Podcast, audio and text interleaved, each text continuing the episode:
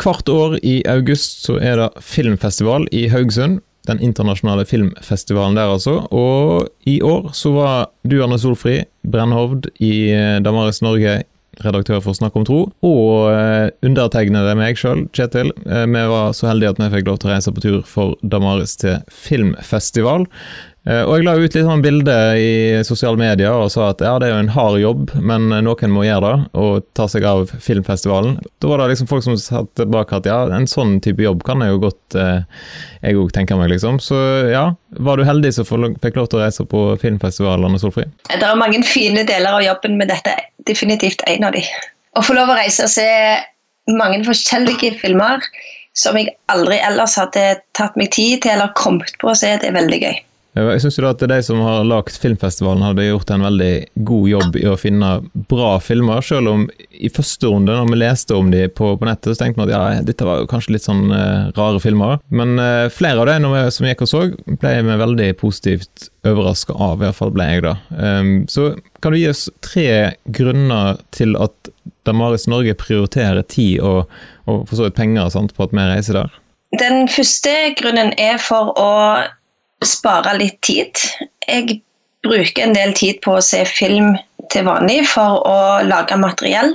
Enten til skolearenaen eller til eh, menighetsarenaen, til samtalegrupper eller til trosopplærere.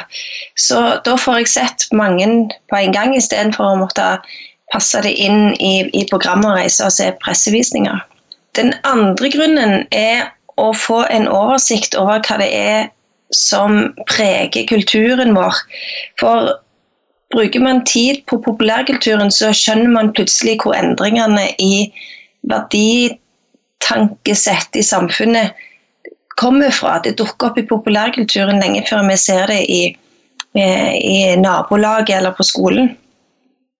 Eh, og det tredje er at vi bygger opp et nettverk for eh, andre som jobber i kristne sammenhenger, som ønsker å eh, bruke tid på film på ulike måter. Så det var litt for å eh, ta del i dette nettverket òg. I tillegg til disse tre punktene så er det viktig for oss å si at det, det som er målet vårt, er å peke på Jesus. Og skal man peke på Jesus, så må man være engasjert i mennesker og opptatt av hva de er opptatt av. Det er grunnen til at vi ser på film.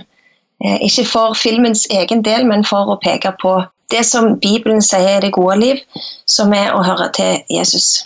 Men eh, det er jo faktisk ganske slitsomt å se en sånn fire-fem eh, kinofilmer på én dag. Og det er liksom du springer fra ene filmen rett over i den andre, og det er kanskje Det er ikke akkurat sånn her veldig lettbeint underholdning alt vi ser, iallfall. Så hvordan, hvordan føles Eller hvordan var hodet ditt på kvelden etter at du hadde vært på filmfestivalen?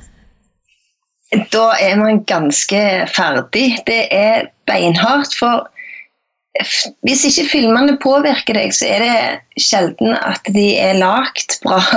Eh, det har ikke bare med om du er interessert i det den handler om eller ei, men de, eh, for noen av filmene gikk eh, handler om ting som, som, er helt utenfor min verden og det jeg holder på med til vanlig. Men de rører deg på et eller annet vis. Du blir provosert, eller du blir eh, får medlidelse med karakterene. Så følelsesmessig og emosjonelt så er det jo ganske eh, utlada etter en film, og så er det bare å snu seg rundt og så er det leve seg inn i en ny historie. Eh, og selv om man vet at det bare er historier, eh, at det er noen som lager dette for å tjene penger, så gjør de det nettopp for å røre oss på dypet. Og de tar opp temaer som, eh, som alle er interessert i. Det er liv og død og smerte og lidelse og kjærlighet og glede. Og hvis, hvis ikke jeg hadde blitt rørt, så hadde jo det vært litt snodig. Så man er ganske ferdig. Hva tenker du? Ja, altså, jeg er jo kjempeglad i å se film til vanlig, og syns jo dette her var jo på høyde med Eller var jo kanskje ferien min i år, dette her, på en måte sånn å få lov til å reise på, på filmfestival eh, og bare se på film. Men, eh, men eh, samtidig så merka jeg at jeg var mer enn gjennomsnittlig sliten på kvelden når du skulle liksom krype til køys. For det er så masse tanker som svirrer gjennom, og så skal du helst òg Du skal jo prøve å analysere litt og se litt eh, bak filmen. sant? Altså Hva var det egentlig som ble formidla? Så det, det kverner på. Jeg tror vi trenger kanskje en liten uke eller to nå til å liksom tenke gjennom alt det vi har sett eh, disse dagene her. Men eh, hva film så du som gjorde sterkest inntrykk på deg, Anne Sofie? Å, det er vanskelig å velge. Eh, det er så, så, stort spekter. Vi så indiske og franske og svenske og norske og engelske filmer. Eh, og med eldre mennesker med barn og med stor lykke og stor smerte. Eh, så det blir gjerne den, en av de som jeg så sist, som ligger lengst fremme. Og det er den, en film som har premiere i november, som heter 'Skin'. Som eh, handler eh, som gjenforteller en historie om en eh, ung mann som ble dratt inn i et rasistisk miljø. Eh, veldig hardt miljø der man ikke går av veien for å bruke alle virkemidler for å få fram sitt budskap. Eh, der eh, mennesker med annen hudfarge, eller som ikke nødvendigvis er født i USA, har null verd men han, av ulike årsaker så bryter han med dette miljøet, og hvor mye det koster han og hans nærmeste. Og hva, det, hva han får gjort med sitt liv i etterkant. Eh, det var sterkt. Ikke, ikke bare fordi at han Du fikk innblikk i et miljø som du ellers aldri hadde fått visst så mye om. Men fordi plutselig så forsto man litt hvorfor de handler som de gjør. Det unnskylder ikke deres handlinger, men hvordan livet kan ta retninger som man ikke har kontroll på, og som, eh, der man blir sårbar for å bli utnytta. Og der man beskytter seg sjøl, og dermed skader andre. Du, da? Jo, jeg så jo den Skin-filmen, det var den første filmen jeg så. Så, eh, så det var jo en pangstart på mange måter, kan jeg si. Uh, altså det var en, ja, en veldig, veldig bra film, uh, og veldig heavy film å få med seg, så den, den, den satt godt i lenge.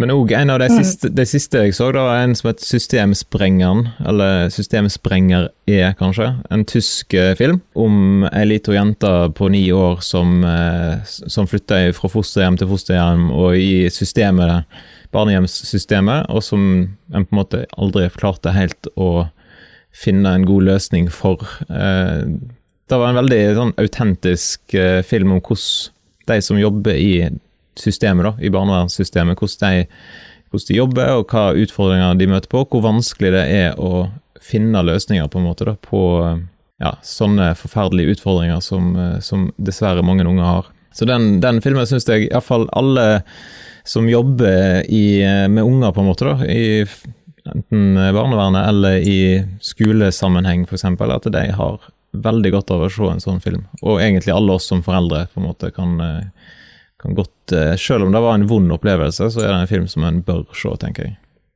Yes, Men eh, litt, eh, noe litt lettere, da. En av filmene som, som du nå skal jobbe videre, og som vi òg skal lage en egen podkastepisode om, som du vil anbefale. Hva film var det? Eh, Toy Story 4. Den er jo kommet lenge etter den, den første trilogien, som eh, har fått utrolig stor plass i mange menneskers eh, oppvekst. Eh, de første tre filmene. Så den her står litt for seg sjøl, og det var mange skeptiske til. Komme så lenge etterpå med en, eh, en, og tulle med en klassiker. Men jeg syns den var veldig fin, så den gleder jeg meg til å skrive om og lage materiale om.